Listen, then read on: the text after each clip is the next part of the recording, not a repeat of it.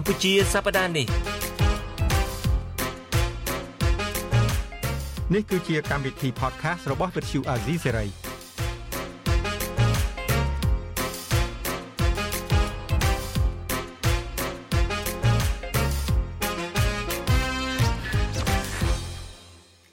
បាទខ្ញុំបាទសេងបណ្ឌិតសូមជម្រាបសួរអស់លោកអ្នកនាងកញ្ញាទាំងអស់យើងខ្ញុំបានមកជួបគ្នាជាថ្មីម្ដងទៅហើយហើយខ្ញុំបាទសូមជម្រាបសួរបងពលីផងឲ្យបានមុន ជម្រាបសួរបងអូនសេងបណ្ឌិតហើយជម្រាបសួរមិត្តអ្នកស្ដាប់វិទ្យុអេស៊ីសេរីទាំងអស់បាទសប្តាហ៍មុនខ្ញុំជម្រាបសួរលោកនាងអត់បានជម្រាបសួរបងពលីក្រោយគេឥឡូវកែនេះកុំឲ្យខកខានខ្ញុំជំរាបសួរបានមុនមានអីបើសិនជាចង់ឲ្យបងរកកំហុសកំហុសរកបានគ្រប់ពេលវេលាទាំងអូនអញ្ចឹងអរគុណអញ្ចឹងបានរករកគុណសម្បត្តិហ្នឹងបានរកសម្បត្តិច្រើនបាទហើយយ៉ាងម៉េចថ្ងៃអាទិត្យនេះបាទឥឡូវកម្មវិធីសប្តាហ៍នេះបានវិលមកជួបលោកនាងតាមការគ្រោងទុកជាថ្មីម្ដងទៅហើយហ្នឹងហើយបាទ ហើយយើងនិយាយរឿងអីអឺសប្តាហ៍នេះយើងមានគឺថាជាដំណឹងល្អមួយ ដោយសារថាក្រមយុវជនអឺចលនាមេដាធម្មជាតិដែលយើងធ្លាប់ឮថាពួកគាត់នោះដូចថាពិបាកក្តីរំពឹងណាទទួលបាន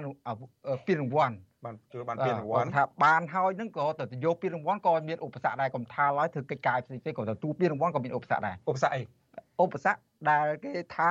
មិនឲ្យទៅយកពានរង្វាន់អ្នកដែលត្រូវបានទទួលនឹង ឲ្យទៅយកមិនបានទៅយកទេបានទៅយកទេបាទហើយគេនិយាយថាម៉េចគឺថាមិនចាំបាច់មិនចាំបាច់មិនចាំបាច់ហើយបើគេមិនគេប្រាប់ថាមិនចាំបាច់ហើយនឹងហើយយើងខំតដទៅធ្វើអីទៀតឥឡូវចាំតដទៅនឹងថាហេតុអីបើគេនិយាយថាចាំបាច់នឹងខំតដធ្វើអីនឹងចាំចាំយើងស៊ូភ្ញៀវយើងសិនឥឡូវថ្ងៃនេះភ្ញៀវយើងមានយុវតីស្រស់ស្អាតមួយរូបស្រស់ស្អាតបានចូលរូបឥឡូវនេះគាត់កំពុងតែមានវត្តមាននៅប្រទេសស្វីសនៅប្រទេសស្វីសបាទចិត្តទៅដល់ហើយ អេទៅដល់ហើយទៅដល់ហើយតែចិត្តដល់ថ្ងៃទទួលបាទចិត្តដល់ថ្ងៃទទួលពានរង្វាន់គឺនៅថ្ងៃទី29 29បាទខែវិច្ឆិកានេះ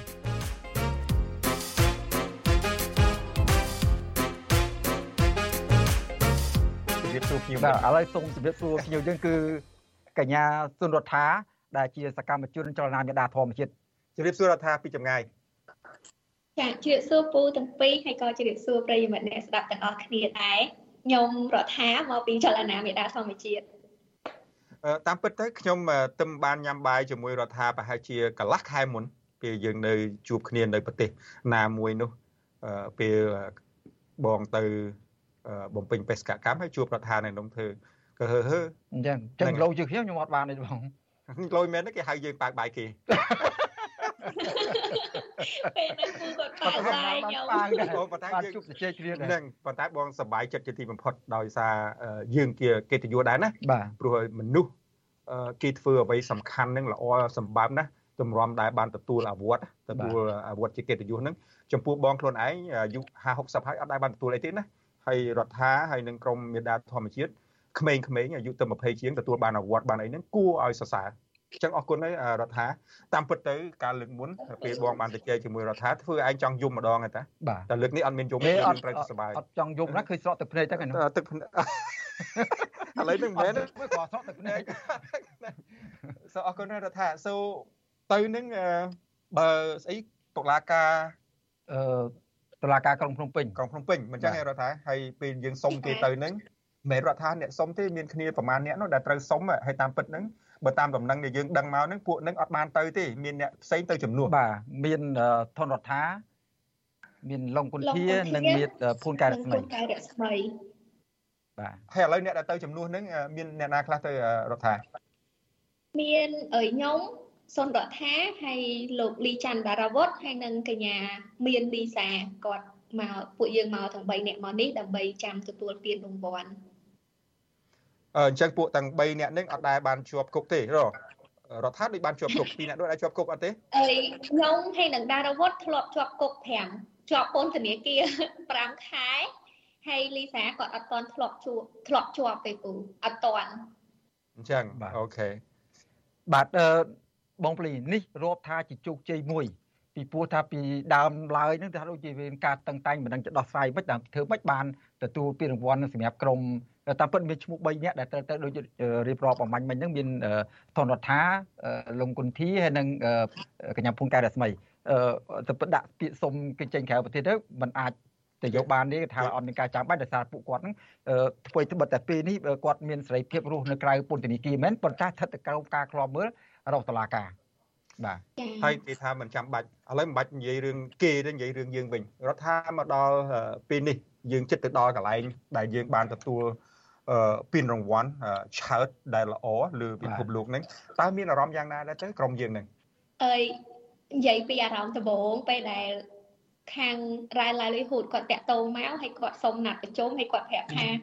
អើយពួកយើងទទួលបានពានរង្វាន់ពីដំបូងស្ដាប់ច្រឡំថានៅក្នុងជំរឿដល់ពេលសួរគេបញ្ជាក់គេថាអត់ទេអត់ទេអីអ្នកឯងក្រុមអ្នកនឹងទទួលបានពានរង្វាន់គឺសប្បាយចិត្តមែនទែនដល់ពេលហ្នឹងម្នាក់ម្នាក់ឡើង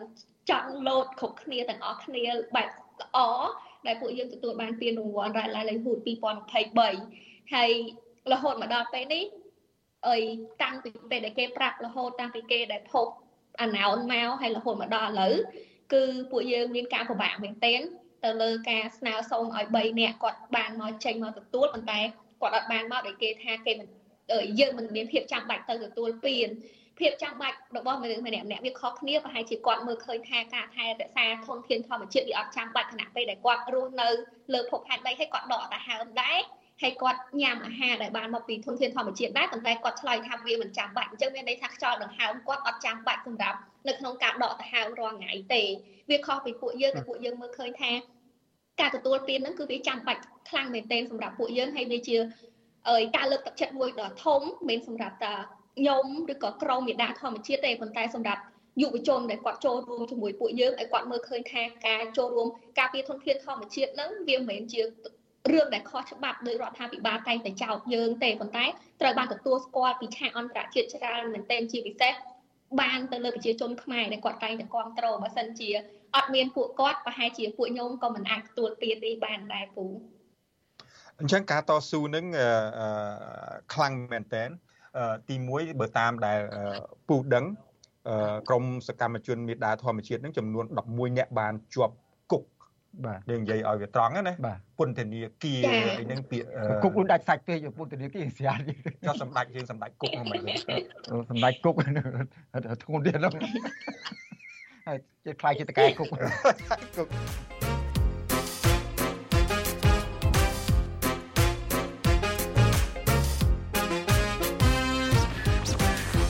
ឥឡូវយើងឈប់និយាយពីរឿងបញ្ហាហ្នឹងចុះ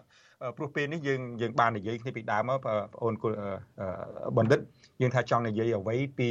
សបាយពីកិត្តិយសមិនចឹងហ៎បាទអឺពូ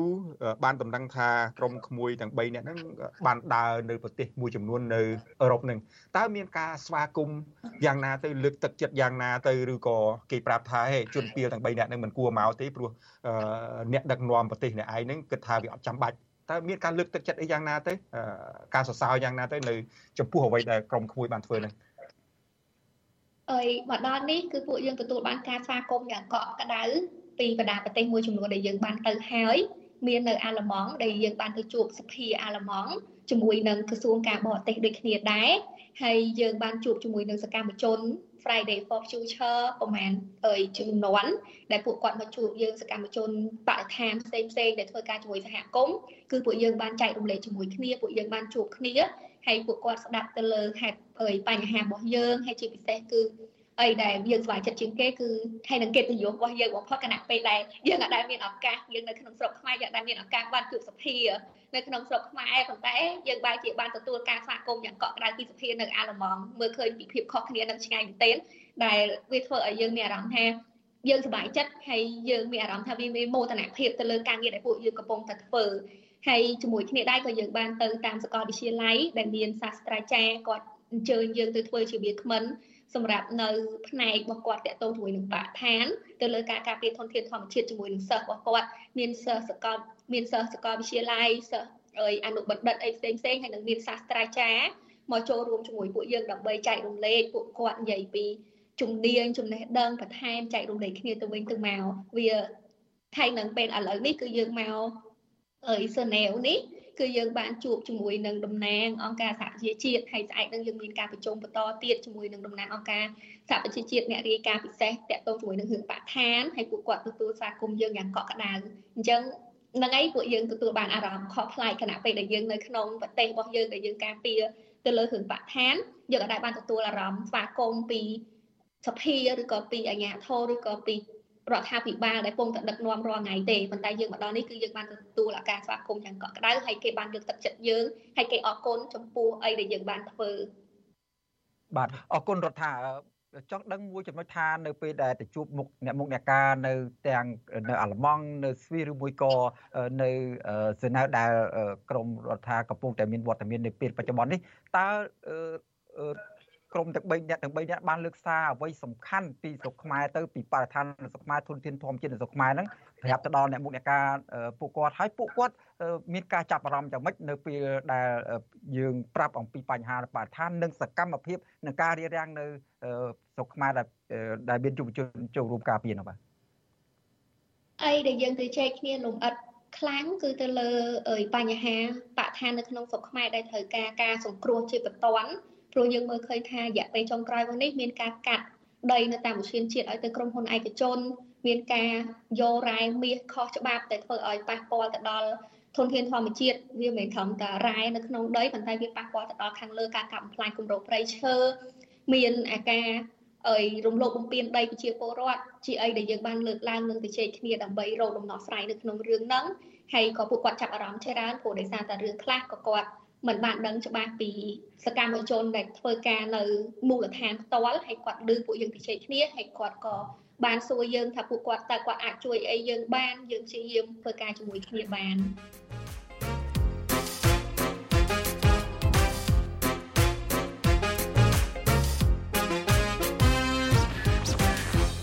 រដ្ឋាករណីមួយនៅលើដែលមូលហេតុដែលក្រមរដ្ឋាបានទទួលអឺ ពានរង្វាន់ហ្នឹងគឺថាតកតងការប៉ិនប្រសពការច្នៃប្រឌិតរបស់ក្រមមេដាធម្មជាតិហ្នឹងដើម្បីតេទៀងអារម្មណ៍មហាជនទូទៅអឺតើគេមានឲ្យយោបល់អីយើងតទៅទៀតទេដើម្បីធ្វើយ៉ាងម៉េចឲ្យមានការតេទៀងនឹងកាន់តែ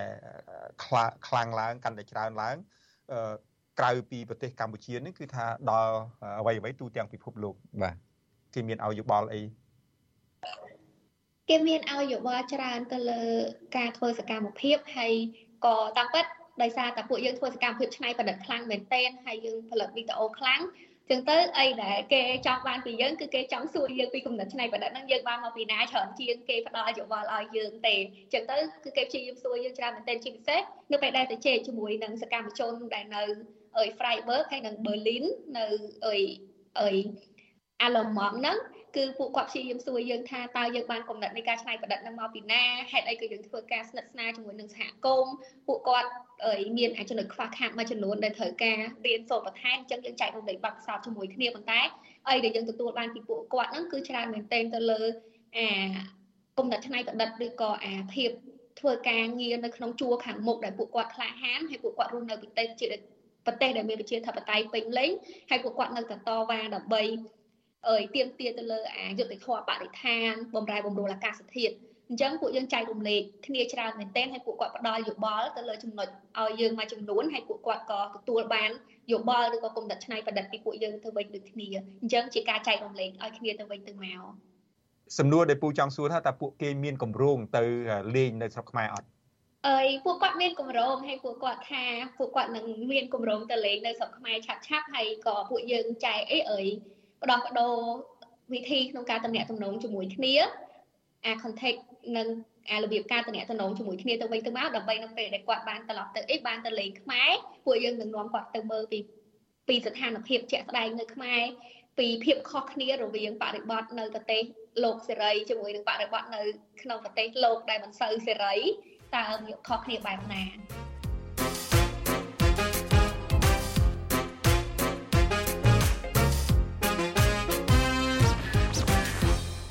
តាមពិតទៅបើសិនជាខ្ញុំជាយុវជនណានៅក្មេងប្រហែលជា40ឆ្នាំមុនឥឡូវហ្នឹងទៅអ្វីដែលរដ្ឋានិយាយហើយបើសិនជាយើងមើលប្រវត្តិនៃអង្គនៃរង្វាន់របស់ Right Livelihood ហ្នឹងគឺថាគេចាប់ដើម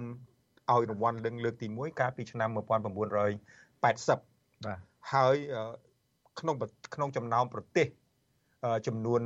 200ខ្ញុំថាចំនួនប្រហែល200ហ្នឹងព្រោះវាមានអ្នកខ្លះថាលើស200អ្នកខ្លះក្រោម100វាស៊ីសងនឹង definition ដែលគេ find ហ្នឹងក្នុងចំនួនប្រទេសតែ76ទេដែលបានទទួលរងពានរង្វាន់ហ្នឹងអញ្ចឹងបើយើងមើលឲ្យបានមែនតែនទៅ គឺអ្វីដែលយើង មានពូជសាសន៍ខ្មែរជាពិសេស ក្រមយុវជន ដែលបានទទួលនឹងគឺជាមោទនភាពសម្បើមណាហើយយើងគួរតែធ្វើតាមយើងគួរតែមានមោទនភាពហើយ inspire ធ្វើតាមអានឹងបើបងនិយាយថាបើសិនជាបងនៅក្មេងណាបាទហើយមានឱកាសអាចធ្វើច្រើនទោះបីឥឡូវនេះក៏មានវ័យចំណាស់បន្តិចទៅក៏យើងមានអារម្មណ៍ល្អមានអារម្មណ៍ល្អដែរហើយសប្បាយចិត្តដែលឃើញថាយុវជនខ្មែរបានទទួលអញ្ចឹងមកដល់ពេលនេះសូមលើកទឹកចិត្តរដ្ឋាភិបាលនិងក្រម មេដាធម្មជាតិនឹងដែលបានបំពេញការងារដែលល្អហើយជួយលើកទឹកលើកមុខលើកមាត់យើងដែរខ្ញុំយើងជាពលរដ្ឋខ្មែរដែរហើយយូដូចដូចសុបាយចិត្តលើកមុខឲ្យអត់ទេអេអេធម្មតាថាមានពលរដ្ឋយើងមាន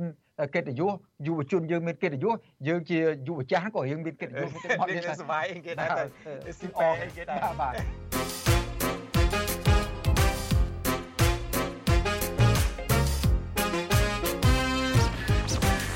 ឃើញមានកម្មវិធីនឹងជួបជាមួយនឹងមុខអ្នកការភ្ញៀវអ្នកខ្លះស្រឡាញ់តាមដែលស្គាល់តាម Facebook ស្រឡាញ់ចង់ជួបចង់អីក្រុមយុវជនដែលបានទៅដល់អាល្លឺម៉ង់ក្តីទៅដល់ស្វីសក្តីហ្នឹងតើក្រៅពីបានមានកម្មវិធីជាច្រើនអញ្ចឹងមានពេលដើរលេងសិក្សាបន្ថែមគេថានិយាយសមញ្ញថាអេសាកថ្មជីវិតឯខ្លះទេដល់ទឹកអីអឺរ៉ុបហើយហ្នឹងថ្មជីវិតទេមានឃើញអ្វីដែលគួរជាចាប់អារម្មណ៍អីទេ មានមានខ្លះខ្លះពូកំឡុងពេលនៅអីបេឡាំងនៅប៊ឺលីនហ្នឹងគឺអើយមានពេលមកព្រឹកដើម្បីដើរមើលការរៀបចំទីក្រុងរបស់គេតកតងជាមួយនឹងការរៀបចំទីក្រុងដើម្បីមានអាគេហៅថានិរន្តរភាពទៅលើគិតទៅលើរឿងបរិស្ថានគិតទៅលើដើមឈើធំធំមើលពីការរៀបចំទីក្រុងរបស់គេនៅបេឡាំងមកព្រឹកដែរក្រៅពីហ្នឹងគឺមានការជជែករហូតអត់សូវបានទៅណាឯប៉ុន្តែ ពេលនៅ Freiburg ក៏បានទៅឡើងលើភ្នំទៅលេងព្រិលអញ្ចឹងលើកទី1ដែលជួបព្រិល